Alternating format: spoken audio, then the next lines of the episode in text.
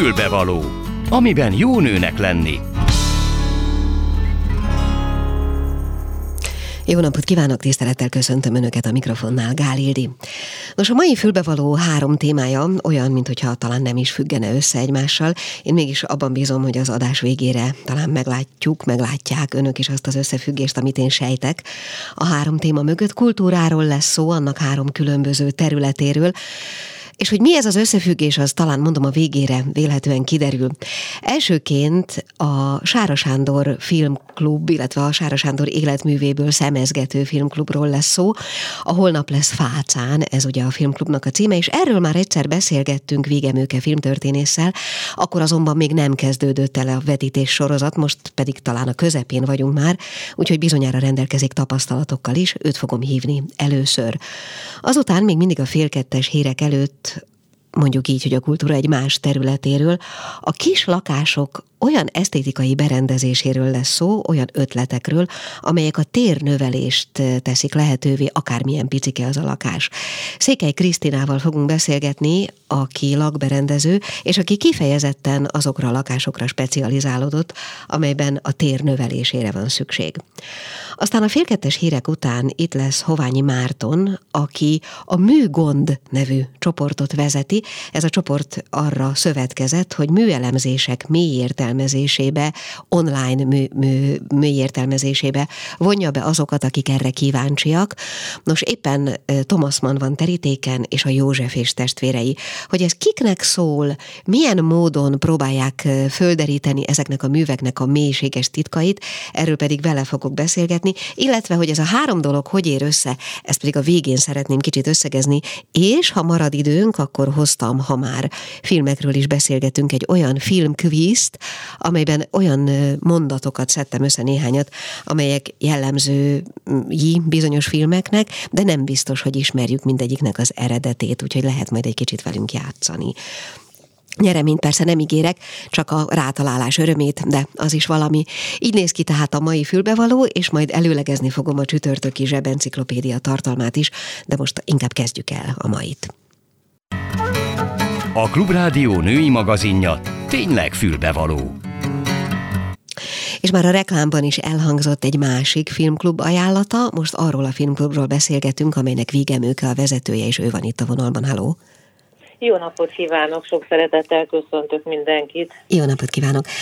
Említettem az előbb, hogy erről a filmklubról, amely a cirkomozi szervezésében zajlik, már beszélgettünk akkor, amikor még a filmek vetítése, már mint a Sára Sándor sorozati, nem indult el. Most azonban, ha jól tudom, akkor a közepén járunk körülbelül. Így van, pontosan így van. Lement már a cigányok dokumentumfilm, a Tüska, a Köröm alatt, a 80 huszár, Ma lesz a holnap lesz Fácán, uh-huh. majd a sír az út előttem, és végül a feldobott kő. Uh-huh. Akkor arról beszélgettünk, hogy olyan sok tapasztalat még nem fűződik ahhoz, hogy erre hogy reagáltak a filmklub látogatói, csak azt mondta, hogy némi izgalommal tekint a dolgok elében. Most már azért csak tudunk erről is valamit. Bizony, és az a fantasztikus, hogy, hogy ugyanaz a stabil érdeklődő, rendkívül vegyes életkorú nézőközönség, amelyik a Jancsó sorozaton is ott volt, ugyanígy itt van a, a Sárán, Sárán is, és bízom benne egyébként, hogy majd esetlegesen a Szabó Istvánon is, és, és a filmeknek a fogadtatása az, az egyelőre egészen fantasztikusan jó, hiszen a Sára egy annyira sokoldalú alkotó művész, hogy, hogy pont az az érdekes, hogy, hogy, hogy a képalkotásban ráismerünk, viszont a tartalmakban, a tartalmi megvalósításban, illetve a, abban, hogy milyen tartalmakat tár elénk, abban viszont óriási változatosságot mutat számunkra. Én egyébként a mai filmről hoztam egy pici és rövid ismertetőt, amit majd a beszélgetésünk után szívesen felolvasok, már csak hát ha van kedve, hát ha most kap kedvet valaki ahhoz, hogy elmenjen és megnézze ezt a filmet. De ugye arról is beszélgettünk, hogy ön mindig végignézi ezeket, mindig gondol róla valamit, amit, amire Persze. érdemes felhívni a figyelmet. A ma esti filmmel kapcsolatban mire fogja felhívni a figyelmet, csak kíváncsi vagyok. Ó, hát azért kezdjük az, hogy mindig végignézem, az sokat szórra. Nyilván. Csak hogy mindig aktuálisan, tehát ez nagyon fontos, hogy aktuálisan, mert ugye más fókuszom lesz. Igen, tehát egészen más a szemüvegem akkor, amikor ezt a 74-es filmet én megnéztem 18 évesen, uh-huh. vagy, vagy, vagy pedig megnézem most x évesen, mert hogy, mert hogy ma azért ez a szemüveg, ebben van egy, egy, egyrészt egy nagyon erős retro jelleg. Tehát, hogy ezt a filmet még ilyen címszóval is nagyon érdekes lehetne reklámozni, hogy, hogy a tárgyi világban, a szlogenekben, a szóhasználatban, a karakterekben van, van a, a, ugye a második Kádár korszaknak, ennek a gulyás kommunizmus korszaknak, a 68 utáni időszaknak egy, egy fantasztikus tablója, ami, ami miatt érdekes, de ez az egyik oldal, hogy tehát önmagában a film így, így borzasztóan érdekes. A másik érdekes, hogy azért ez egy parabola film, amiben az akár ma is fennálló társadalmi modellezést, azt megtalálhatjuk, de a bármikor lévő társadalmi modellezést megtalál, meg is találjuk, tehát szembeötlően. És azért azt, azt kell, hogy mondjam, hogy, hogy, hogy a groteszk és az irónia, amelyik egy nagyon fontos ábrázolási módja ennek a filmnek, az az egyetlen a sára teljes ópuszban, hogy ilyen hangvétele van egy filmjének. Uh-huh. Tehát igen, arra gondoltam csak, hogy amikor az ember megnéz egy filmet akkor, amikor az születik, akkor sok, uh-huh. sok esetben úgy van, hogy a, a film készítője megérez, lát valamit, ami nem feltétlenül a közszámára is látható, vagy nem feltétlenül látható még. Majd egyszer csak megnézzük ugyanazt a filmet 20-30-40 akárhány év múlva, és utolérte a valóság. Mindenki számára láthatóan is utolérte a valóság. Gondolom, hogy itt a, a, a retro érzés az nem csak nosztalgiát jelent, hanem ilyen ráismeréseket is. Egyáltalán egyáltalán nem. Tehát a mhm. társadalmi eh, mechanizmus, a társadalom működés, egy, egy, egy alakuló mikrotársadalom, ez nagyon fontos, hogy egy szigeten játszódik ez a mhm. történet és ez a sziget ez ugye az irodalomban és a, a filmtörténetben is egy nagyon fontos toposz, hogy, hogy itt ugye elszigetelten hogyan modelleződnek ezekben az úgynevezett Robinsonádákban, hogyan modelleződik, hogyan jön létre az a társadalom, ami valahogy hirtelen elkezd, elkezd egy bizonyos társadalom típusra hajazni. Tehát ez a film akkor is unikális volt, és azt kell mondjam, hogy a mai napig abszolút az, mert hogy, hogy teljes mértékben fel lehet is ismerni pártok létrejöttét, domináns elemek létrejöttét, egy ilyen összművészeti diktatúra létrejöttét, azt nagyon szépen lehet követni ebben a filmben. Nagyon kíváncsi lennék a, a visszajelzésekre a ma esti vetítés után, de a korábbiak után ön tapasztalt bármifajta visszajelzést? Ugye a múltkor beszélgettünk erről, hogy nem mindig várja meg. De én mindig ne, megvárom. Mindig Akkor a legteljesebb, nem, nem, mindig, mindig megvárom. Nem mindig bent a moziteremben történik, uh-huh. hogy utána még van valami visszajelzés, mert például kezdődik egy másik vetítés, és akkor kint az előtérben ö, folytatjuk. Uh-huh. De pont legutóbb már nagyon sokan vártak a következő filmet, a 80 huszároknak a, ugye az a nagyon megdöbbentő, nagyon tragikus ö, ö, nem csak úgy a végkifejlet, hanem az egész filmnek a drámai feszültsége és a, és a képköltészete az, az olyan elementáris hatású volt, hogy, hogy hát ott ültünk még, még hosszasan, miközben kint toporgott rengeteg ember. Ráadásul egy csomó mindent nem mondhattam el az elején, mert annyira más az, amiből a történetet sára merítette, és más a valóság, és más lett, amit a Csórival ő összerakott dramaturgiában. Tehát ez is egy ilyen nagyon érdekes dolog, hogy a, mit, mit mondok el a történettel. Hogy a történet az csak azért van, hogy valamit elmondjak vele. És, és nagyon kíváncsiak voltak rá. Én félénken kérdeztem meg egyébként a végén, hogy biztos, hogy elmondjam, hogy ez a valóságban hogy volt. Hm. És akkor azért őrizzük meg azt a patetikus hangulatunkat mindenképpen filmben, de, de akkor kérték, hogy mondjam el. Tehát van, abszolút van ezek, erős hatású filmek ezek, igen. És esetleg olyan fajta összevetés, és tényleg csak a kíváncsiság mondatja, vagy kérdezteti velem, ami mondjuk a ma készülő filmekben, hogy nem mondjam, aranybulla és egyebek, tehát ezzel kapcsolatban is valamiféle összevetést mutat? Az a helyzet, hogy én arra csak szkeptikus megjegyzéseket teszek, csak úgy, úgy, úgy félig.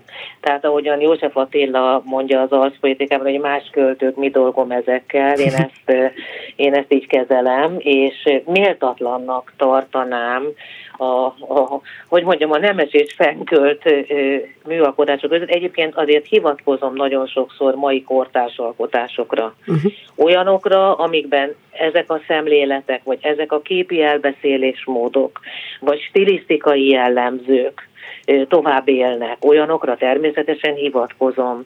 De hát Szóval, hogy mondjam, tehát a semmire pazarolt energia lenne, hogyha hogyha én ezt másképp kezelném ezt a, ezt a kérdést. Értem. Igen. Még egy utolsó, a, ugye a ma este lesz akkor a holnap lesz Fácán, ugye? Így van. Így, Jó, igen, hátra igen. van még két másik Kettő, film. Igen. És igen. azt szerettem volna csak kérdezni zárásul, hogy kiderült-e, hogy a Szabó István sorozat lesz a következő? Igen, így van. Hogy tőle igen. mik lesznek láthatóak? Igen, Szabó Istvántól ö, ott sem kronológiában haladunk, mert így sokkal érdekesebb, és egyébként ez az új trend, az új trend egy 10-15 éves trend, hogy inkább tematika szerint haladunk. Az apa, az édesem a drága pöpe, a szerelmes film, a budapesti mesék, és végül hát a Mephisto megkerülhetetlen egy, egy, egy ilyen életművet úgy, ahogy piciben felmutató uh-huh. filmsorozatban. Tehát az újabbak nem? Nem. A még újabbak. Nem. Uh-huh. Jó, nem. hát körülbelül ennyi időnk volt. Én még szeretnék majd erről a filmről egy picit beszélni a mi beszélgetésünk után, illetve majd meglátom, hogy pontosan hogy fér bele a műsorba, de mindenképpen lesz ma még szó erről a filmről, mert kigyűjtöttem néhány érdekességet, és hát ha kedvet csinálunk még a ma estéhez a hallgatóknak. Nagyon szépen köszönöm Vége Műkének. Viszont hallásra! Viszont hallásra, minden jót kívánok! Mi kell a nőnek? Egy fülbevaló és úgy tűnik, hogy még nincs itt a következő vendég a telefonban, úgyhogy most lesz az a pillanat, amikor beszélek egy kicsit erről a filmről, nem túl sokat, inkább csak tulajdonképpen a történetéről egy picit. Szóval ez a Holnap lesz Fácán című Sára Sándor alkotás, a Dunán fürdőző szerelmes pár elhagyott szigetre bukkan, sátrat vernek, néhány csendes nyári napot szeretnének eltölteni kettesben, nyugalomban. Másnap reggel egy szintén ott nyaraló professzorba botlanak. Hamarosan befut egy csapat zajos fiatal, később egyre többen is érkeznek. A véletlenül összeverődő sátorzó kisé kaotikus, ám talán éppen ezért felszabadult és idilli életét egy önjelölt vezető elkezdi szervezni. Kozma, Szirtes Ádám, és egyre gyapor, gyarapodó támogatói vaskos egyenlőségjeleket tesznek a szabadság és az anarchia közé. Kezdetben csak egy-két felmerülő problémát oldanak meg, majd a bevezetett szabályok száma gyors növekedésnek indul. A külön utakon járókat fokozatosan meggyőzik, a közösségi rendezvényekről senki sem hiányozhat. Ténykedésüket egyre több tiltás és korlátozás kíséri. A szervezettség jelszava alatt végül senki sem csinálhatja azt, amihez kedve van, kivéve talán Kozmát, aki elégedetten szemléli birodalmát. Szerénykedve ugyan, de rendre kacifántos szónoklatokban összegzi a programját. A vezetőnek ráadásul több olyan követője is akad, akik gyakran túl teljesítik a parancsait.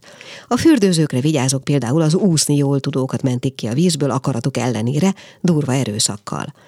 A szerelmes pár nem ért egyet a kitűzött célokkal és módszerekkel, így végül inkább a passzív ellenállást választják. A professzor a saját világába zárkózva érzi jól magát. A fiatalok lázadozva ugyan, de számukra csak a menekülés marad. Az elért eredmények össznépi ünneplése végül valódi anarhiába fullad. Mindenki elhagyja a szigetet. Elsőként maga Kozma. Ez tehát a holnap lesz Fácán ma esti vetítésén látható. És most akkor témát váltunk, mert itt van a vonalban Székely Krisztina. Halló! Halló, jó napot kívánok, szia! Szia! No, téged pedig azért hívtunk föl, eddig ugye filmről beszélgettünk, amiről viszont most szeretnék veled, és hogyha nem elég az időnk, akkor akár a hírek után is folytathatjuk még egy kicsit.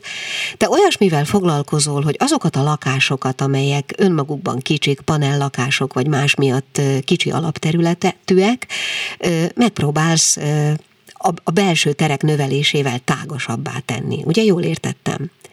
Igen, igen, igen, így van. A panel tüngernek az a küldetése, hogy megmutassa, hogy kis lakásban is lehet boldogan élni. Na, hát akkor ezeknek, ezeknek az ötleteknek egy kicsit eredjünk a nyomába. Ugye nyilván az ember alapvetően bekerül egy lakásba, ami valamilyen.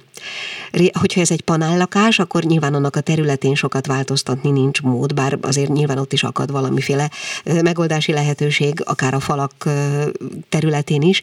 De mégis, hogy kezd az ember hozzá, ha van egyfajta adottság, ami nem változtatható?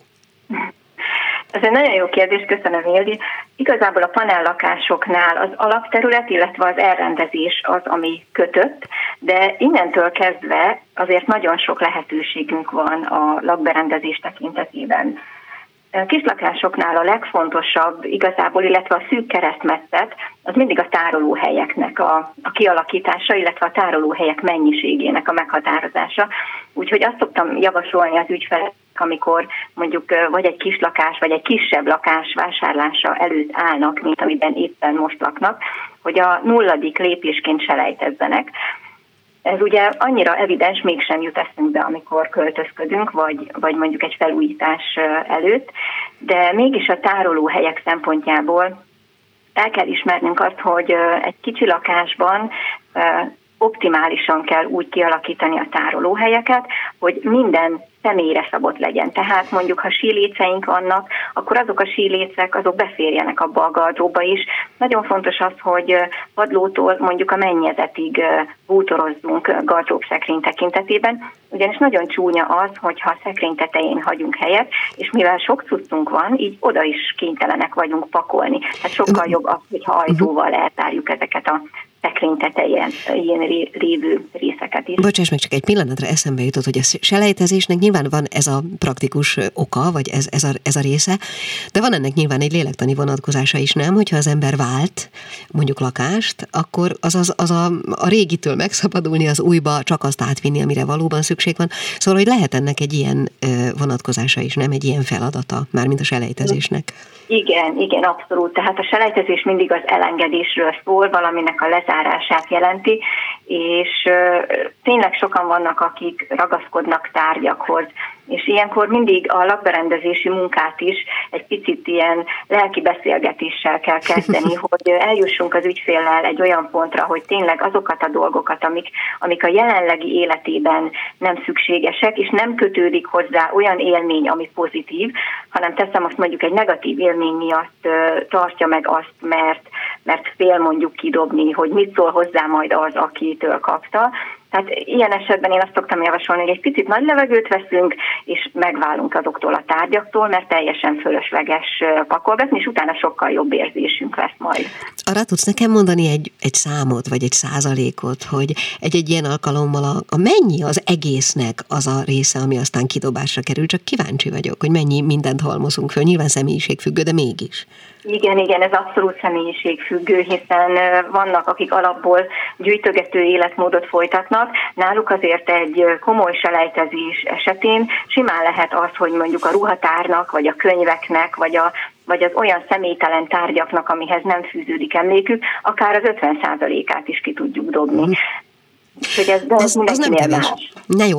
A, tehát akkor az volt az első instrukció, hogy lehetőleg olyan szekrényeket, olyan tárolókat szerezzünk be, amelyek a, a, egészen a plafonig fölérnek és pakolhatóak. Mi a következő lépés? A következő lépés még mindig a tárolóhelyeknél maradva, hogy a lebegő bútoroknak a használata, az például kicsi lakásokban egy nagyon-nagyon jó módszer arra, hogy a padlóról egy kicsit el tudjuk vonni a bútorokat, mert ugye az alapterületünk adott, ha mindent lerakunk a padlóra, akkor egy zsúfoltság érzet fog keletkezni. Hogyha lebegő, lebegő bútorokat használunk, például az előszobában ez nagyon, nagyon jó megoldás lehet egy panel előszobánál, hogy egy lebegő bútort teszünk oda. Harmadszor mondod, és még mindig nem értem. Igen, mi a lebegő bútor? A lebegő bútor az, amit felakasztunk a falra, és nincsen lába. Ah, aha és, és ez azért jó, mert egyrészt könnyű alatta takarítani, másrészt meg tudjuk világítani az alatta lévő területet, és ezáltal optikailag növelni tudjuk a térérzetünket.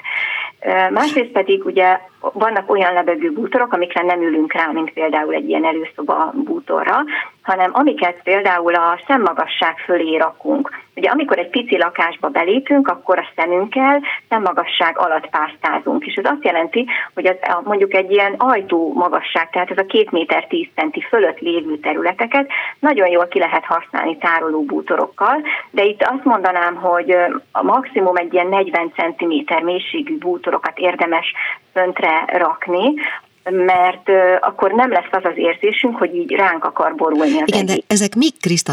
Polcok, kis szekrények? Mit, mit, mit jelent a, a levegő nem, 40 centis futor? Én, én azt szoktam javasolni, hogy mindent tárjunk be. Tehát én, én kicsi lakásoknál azt mondom, hogy nagyon kevés nyitott polcot használjunk, azokat főleg olyan helyen, mondjuk egy nappaliban, ahol tényleg csak dekorációt szeretnénk rátenni. Mert egyébként a rendetlenségnek a hatása fog érződni, mivel minden nagyon színes. Tehát az összes tárgyunk, nyilván a ruhák, a bútorok, a bőröndök, a, a cipők, tehát minden színes, és ezért jobb, hogyha bezárjuk őket egy szekrénybe. Egyrészt nem porosodik, másrészt pedig vizuálisan sokkal szebb lesz. Tehát ezek mindig zárt szekrények. Meg hogy a szekrény, szekrénynek az egyszínű mi volt, a, a, az, a, az a rendezettség érzetét kelti, ha jól értem. Így van, az Aha. is, igen. Ó, oh, értem. Na jó, akkor lépjünk még egy kicsit tovább, hogyha már elpakoltunk mindent, és van valamennyi szabad terünk ezután, azzal mit kezdjünk? Az, hogyha marad szabad terünk egy ilyen kicsi lakásban, akkor itt nagyon fontos még a fényeknek a használata, ami szintén egy nagyon jó, egyrészt kellemes érzést kelt bennünk, hogyha jól van megvilágítva egy interiőr, másrészt lehet befolyásolni ugye azt, hogy most hideg fényel, meleg fényel világítunk meg egy teret, azt, hogy milyen érzéseket kelt bennünk, illetve nagyon fontos ezt előre megtervezni, hogy hová szeretnénk központi világítást, hová szeretnénk mondjuk például, mint a lebegő bútor alatti résznek a megvilágításával egy kis hangulatfényt elérni, de nagyon fontos például a helyi megvilágítás. Tehát ha például az előszobánál maradunk, ami általában ugye a paneleknél kicsi, szűk és sötét, nagyon fontos, hogy például egy tükörrel növeljük optikailag a teret. Ugye itt a, a reflexiók, a fényreflexió nagyon fontos. Másrészt meg a tükörnek a megvilágítása, mert ugye amikor belépünk, illetve amikor távozunk egy előszobából, akkor általában belenézünk a tükörbe, és nagyon fontos, hogy itt jó legyen a megvilágítás,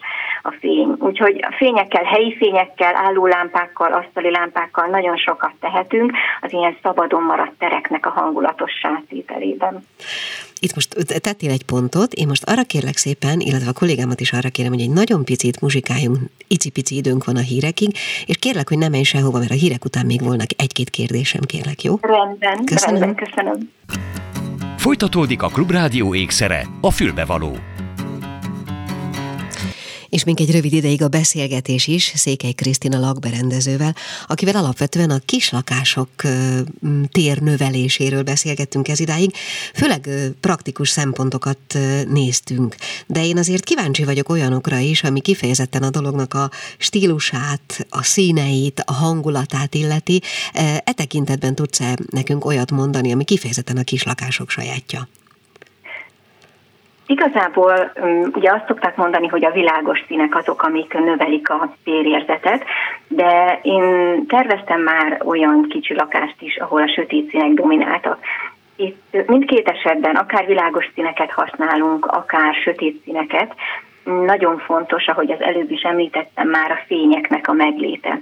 Ugyanis ezzel lehet igazából elérni azt, hogy hangulatos és barátságos legyen.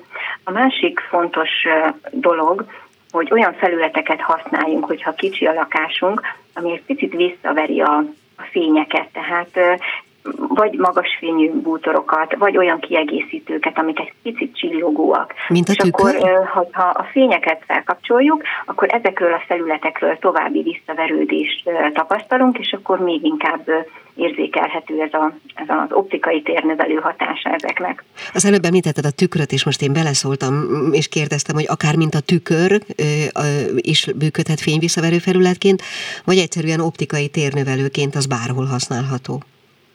Tulajdonképpen így van, ahogy mondod, hogy optikailag bárhol használható, mert akárhová tesszük, akár egy nappaliba, egy előszobába, nem csak a fényeket fogja visszaverni, hanem ugye a látvány miatt egy teljes térnövelő hatását érzékelhetjük. Uh-huh.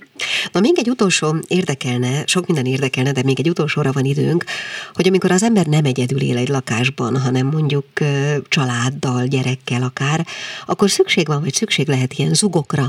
És az előbb mondtad, hogy lehet esetleg csinálni olyan lebegő bútor alatti teret, amit megvilágítunk és kialakítunk benne. Egy ilyen zugot, mondjuk egy olvasó, tanuló, vagy valami elvonulásra alkalmas teret. Ennek mi a módja még az előbbieken túl? Ugye itt a belmagasság nagyban meghatározza, hogy milyen, mennyire oszthatjuk függőlegesen ketté az adott teret. Tehát panel lakásoknál ilyen 2 méter 60, 2 méter 65 centi általában a belmagasság. Ilyen esetben egy komplet galériát nem tudunk kialakítani, viszont ilyen kuckós, zugos megoldásokat létre, létre lehet hozni akár a nappaliban, akár egy kicsi gyerekszobában is. Ugye panellakásoknál főleg ezek a félszobák jellemzőek arra, hogy a gyereket beköltöztetjük egy ilyen félszobába, és akkor berakunk neki egy ágyat és egy íróasztalt, meg maximum egy kis szekrényt, és akkor itt véget is ért a történet. És itt lehet elgondolkodni azon, hogy függőlegesen hogy tudjuk úgy megosztani a teret, hogy az ágy is elférjen, és alatta esetleg kialakítsunk a számára egy olyan kis elvonulós kuckót, hogy akár uh-huh. játszani, a kisebb gyerekről van szó, akár mondjuk olvasni, vagy a számítógépet betenni oda, és és akkor ezáltal uh, tudjuk növelni úgymond a használható alapterületet egy ilyen pici szobában is. Uh-huh.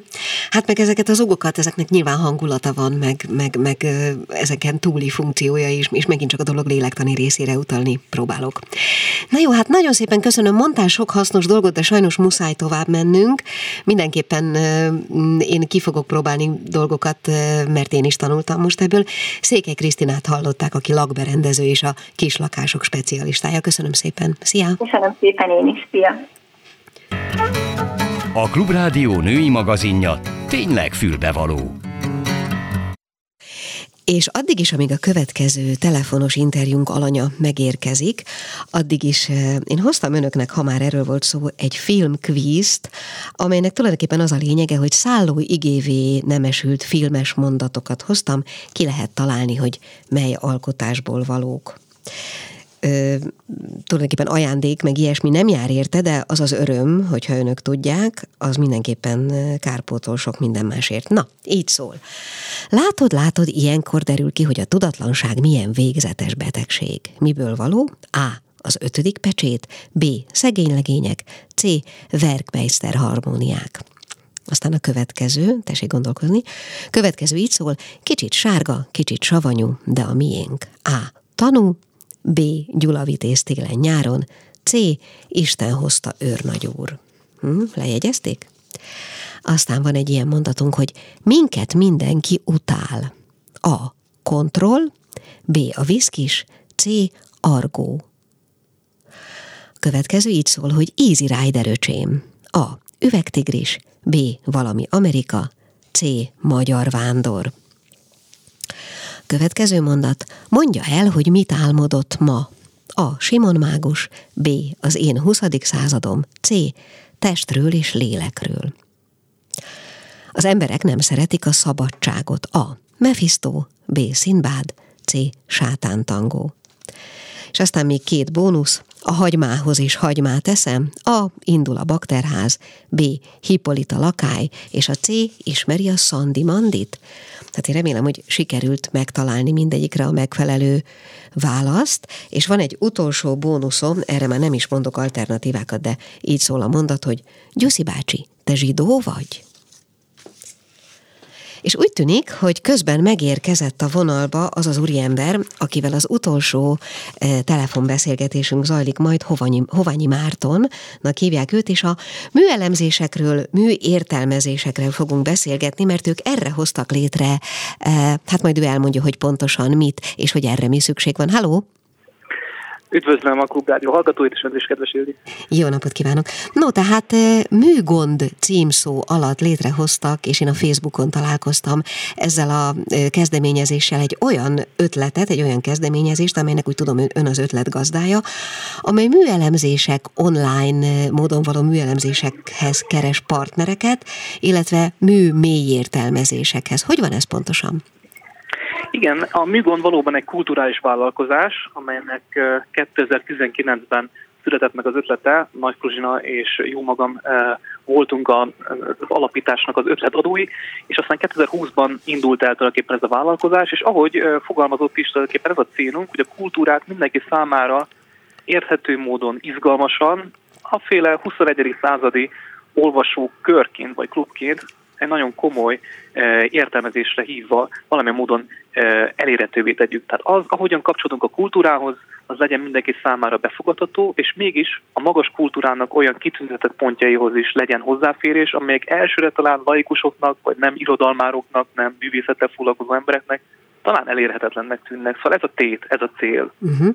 Ez úgy néz ki, hogy mondjuk kijelölnek egy irodalmi művet, amit elolvasnak önök is, és elolvassák a, a, a, a résztvevők, vagy az online kurzusra, mesterkurzusra fogalmazunk így jelentkezők, és aztán valamiféle értelmezési útvonalon mennek végig valamennyien? Pontosan, tulajdonképpen évről évre van egy ilyen, ahogyan is fogalmazott mesterkurzusunk, amelyhez kapcsolódnak kisebb kurzusok is, de van egy főszereplőnk. 2023-ban történetesen ez épp Thomas Mannnak a József és testvérei című regénye lesz, ami egy nagy regény, de foglalkozunk az Urisesszel is, az isteni színjátékkal is, ezek ugye mind aztán később e-learning formájában elérhetővé válnak mindenki számára, de aki csatlakozik akkor ehhez a kihíváshoz, ami egy ilyen sajátos ritmust is ad tulajdonképpen a hétköznapokban, hiszen mondjuk hét, hétköznap estét jelent ez, akkor mindig egy-egy ilyen online előadás keretében követhető élőben mindaz az értelmezés, amit különböző szakértők, vagy akár eh, az én előadásaim során föltárunk az adott művekről. Szóval van egy ilyen értelmezői fonal, amihez aztán csatlakozhatnak különböző interaktív játékok eh, és közönség találkozók, szemináriumok és egyéb lehetőségek révén azok, akik csatlakoznak. Egy példát mondok, a az Ulysses küldetés, amikor Joyce-nak ezzel a nagy remek művével foglalkoztunk tavaly, például azt is magával mondta, hogy matricákat osztogattunk a részvevőknek, és ezek a matricák bizonyos pontjain a városban föltűntek, és ezáltal az egész várost átalakítottuk Dublin városává, és akkor egy kicsit Budapestből Dublin lett, Dublinból Budapest, és ezeket kölcsönösen átjártuk. Szóval rengeteg, aktiv, rengeteg aktivitás van, amin keresztül próbáljuk élővé tenni ezeknek a műalkotásoknak a befogadását. Uh-huh. Most erről az jutott eszembe, hogy nekem egyetemi évek alatt is, de főleg középiskolás évek alatt voltak olyan az irodalommal való első találkozásaim, amik ilyen, tényleg ilyen, mm, hogy mondjam, fizikai, lelki és mindenféle tüneteket okoztak. Emlékszem, hogy a bűn és mhm. bűnhődést okozva, vagy olvasva kifejezetten émeigést éreztem, tehát fizikai reakcióim voltak az adott irodalmi műre. Ez a fajta mély értelmezés, ez hoz akár ilyen mélységű reakciókat hozhat? Muszáj reagálnom erre a bűn és bűnődésre, mert nekem tüdőgyulladásom volt serdülőként, amikor olvastam, és nem tudom elfelejteni ezt az élményt, nekem nem is kellett külön tünet, hanem a tünetre vettem be tulajdonképpen Dostoyevskynek ezt a zseniális regényét. Szóval van fordított út is, de igen, tehát azt gondolom, hogy mély értelmezés az attól lesz igazából fontos és mindent átjáró, hogy van egy gondolati síkja, amivel nyilvánvalóan kapcsolódunk a műhöz, de természetesen minden egyes művészeti alkotás valamilyen módon arról az a tétje, vagy az a, az a megszólító ereje, hogy mit akar mondani nekem. Uh-huh. És amikor ennek eredünk útjába, ezért is fontos, hogy nem magányos olvasásra hívjuk azokat, akik a műgondhoz csatlakoznak, hanem hogy közösséget alkotunk. Szóval még hogy az online térben is zajlik a közösség életének a java, de újból és újból minden kurzusunk lezárásakor, vagy közben a közönség találkozók idején van lehetőség megosztani egymással ezeket a gondolatokat, mint hogy minden előadás végén is van erre lehetőség, hogyha valaki élőben követi, szóval hogy csatlakozni kell, és akkor pont ezek az élmények, legyen szó tüdőgyulladásról vagy más testi tünetekről, feldolgozhatóak és kapcsolódhatunk máshogy is. Ha nem is művészetterápiás a tevékenységünk egyelőre, de az biztos, hogy az érzéseinkkel és az egész emberrel foglalkozunk ilyen módon. Én olvastam nagyon lelkes reakciókat, nyilván a korábbi évekből fakadó reakciókat, eh, ahol olyan emberek nyilatkoztak, akik már egyébként ismerték, olvasták, találkoztak az irodalmi művel, de nem így. Mi az, amit önök másképp többet, újabbat tudnak hozzátenni mondjuk az irodalmi, az irodalom tanárhoz képest? Amiben bízom, hogy extra élményként érhet mindenkit, aki csatlakozik hozzánk, az az, hogy nagyon is magas színvonalon, tehát annak ellenére, hogy közérthetőségre törekszünk, nagyon magas szakmai színvonalon a legfrissebb kutatásokat figyelembe véve, ami irodalomtudományban, ugye más művészeti ágokat, az operával is foglalkozunk. Szóval a kúrens szakirodalomnak, kutatási eredményeknek a beépítése, illetve önmagában a sokféle úgynevezett összehasonlító vagy komparatisztikai nézőpontnak az érvényesítésével sokféle nézőpontot hozunk be, sosem egyfelől közelítjük meg a művet. Ezért van az, hogy például csak most megint a József testvéreiről szóló Kutra Szállás című mesterkurzusunkra terelve a szót, itt is az lesz, hogy lesznek extra előadók. Ugye a regény, Thomas Mann regény az Egyiptomban játszódik, ezért lesz például egy egyiptológus, aki hm. ezekkel a rétegekkel fog foglalkozni. Lesz olyan, aki csillagászatot fogja megnézni, olyan is, aki a képzőmészet, vagy pedig a zene oldaláról fog közelíteni. Tehát sok oldalról egyszerre próbáljuk meg ossom alá fogni az adott remek műveket. Ha már itt tartunk, akkor miért pont Thomas Mann idén? Két ok is ide vezet. Az egyik az, az hogy ez a nagy regény, a József testvérei, 90 évvel ezelőtt jelent meg az első kötete, és 80 év az utolsó. E, tehát az évfordulók is valamennyire szolgáltatják ezt, amikor 700 éves volt az isteni szíjáték, akkor azért is választottuk azt. Másrészt van egy belső koherenciá is a mesterkurzusainknak, hogy épülnek föl, egyre több és több művet teszünk elérhetővé akár mondom utólag e is, ezek is kapcsolódnak egymáshoz. Tehát aki a 20. században kíváncsi arra, hogy hogyan jön létre a nagy fordulópont, az el kell, hogy olvassa az Ulysses ahhoz, hogy megértse, hogy a posztmodern miből is születik meg. És amikor megszületik az Ulysses a 20-as évek legelején, akkor elindul az írása Thomas Mann Józsefes testvéreinek, és ez pedig a másik útja lesz a regénynek. Tehát két nagy útját tanulmányozzuk annak, ahogyan prózát lehet írni a 20. században, és tulajdonképpen ebből a köpönyekből bújik ki a kortárs irodalmunk is, ezért fontos ezeket jól megérteni. Megenged egy félmondatos személyes megjegyzést, annyira Persze. jó hallgatni, ahogy beszél, el tudom képzelni, hogy hasonló intenzitással, meg lelkesedéssel tart előadást is egy-egy irodalmi műről, amit, amit szeret Nézd, ezek, ezek remek művek, tehát ezt, ezt nem lehet szó nélkül hagyni, ezeket muszáj elolvasni, enélkül nincs boldog élet. Úgyhogy mindenkit arra hívok, hogy olvasson remek műveket, meg nézzen nagyon jó festményeket, és hallgasson gyönyörű operákat, mert ezek nélkül nem leszünk boldogok. És, és nézzen filmeket, erről ma már beszéltünk egyszer, például most az előbb Sára Sándor hmm. sorozatáról.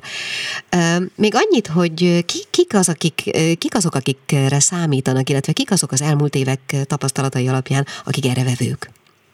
Igen, hát nagyon szűk a merítésünk, mert van nyugdíjas kohómérnök, aki jött, van uh, pedagógus jelölt, aki most egyetemista, van férfi, nő, uh, a korosztályt említettem, ügyvédek jönnek, orvosok jönnek, jogászok jönnek, bárki, akinek érettsége van, aki tud olvasni, vagy egyszer operát hallgatni, mindenki számára nyitott ez a helyzet, egyenlőek vagyunk a műértelmezés előtt, és remek éppen ezért jó, mert mindannyiunkat meg tud szólítani, úgyhogy bátorítanék mindenkit, hogy aki fél attól, hogy a magas kultúra valami elvont, megközelíthetetlen dolog, lépjen be ebbe a szentébe a mi kezünket fogva, és biztos, hogy nem fog csalódni.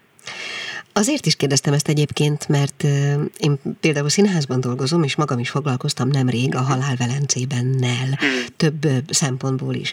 És ennek kapcsán kiderült, hogy például a középiskolai tananyagnak ez ilyen értelemben nem része már, és remélem, hogy nem mondok nagy butaságot, ugye az ismert törvények miatt. Mert hogy a, amit kihallottak belőle, az nem az irodalmi remekmű oldal olvasat hmm volt, hanem a pedofil idős bácsi, vagy legalábbis igen. Szóval, hogy azoknak a gimnazistáknak, akik ezzel most ilyen okok miatt nem találkozhatnak, javasol, javasolja-e ezt a mesterkurzust? Hmm, hát gimnazistáknak is javaslom, de elsősorban azt gondolom, hogy ez felnőtteknek szól. Egyrészt uh-huh. azért, mert tényleg nagyon komoly elköteleződést, odaszánást, fókuszáltságot kíván, amire nem biztos, hogy középiskolásnak van ideje, hogy a legelfoglaltabbak a nyugdíjasok és a középiskolások általában Magyarországon. De hogy viccet én azt gondolom, hogy a kánonnak egy nagyon fontos elem, amit most megemlít, hogy vajon mit hallunk ki belőle. És azért is, ugye eredetileg a műgond az egy szó összetétel, művészet és gondolat, a honlapunk címe is, hogy ebből jön művészet és gondolat.hu. Szóval, hogy a gondolat is fontos, tehát mi kritikus gondolkodásra is akarjuk a műértelmezések által, vagy akár filozófiai művek olvasásakor késztetni azokat, akik hozzánk csatlakoznak, vannak. Miért? Mert a kritikus gondolkodás fogja tudni azt az új értelmiséget létrehozni, amely új értelmiség aztán már nem ideológiai alapon dönt egy mű értékéről, hanem sokkal inkább esztétikai alapokon fog valamit jónak vagy rossznak ítélni. Az, hogy halál Velencében ezért tilturistára kerül, ez egy nonsens. Tehát ilyen nincs. Viszont, ha megtalálom azt az esztétikai értéket, ami miatt azt tudom mondani, hogy a halál Velencében nem jó szöveg, na annak már, hogyha vannak argumentumok mögötte, tudok kapcsolódni hozzá, annak van értelme. És ezekről szóló vita is az, ami tulajdonképpen a műértelmezés. Tehát akinek van kedve véleményt formálni, vagy együtt gondolkodni, a saját véleményt kialakítani, legyen szó tényleg egy festméről, vagy egy operáról, vagy bármi más eh, műalkotásról, annak van eh, keresni való szerintem ezen a területen. És vajon melyikünk az, akinek ne lenne ez izgalmas? Hm. Azt még megkérdezhetem, hogy önök e- ezen a küldetésen túl, mert ezt nem tudom másnak nevezni, mivel foglalkoznak?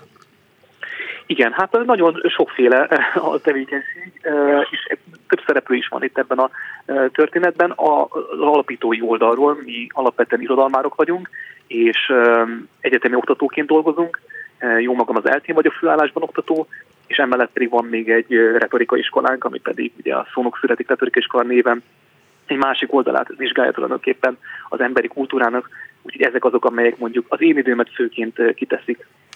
És ha már itt tartunk, és ezt megemlítette, akkor viszont engedhessék meg nekem, hogy itt hangozzon el a, a csütörtöki műsor ajánlat, amikor a zsebenciklopédiában azt a mondatot, vagy azt a hívószót, vagy szókapcsolatot fogjuk körbejárni, hogy a kimondott szó ereje.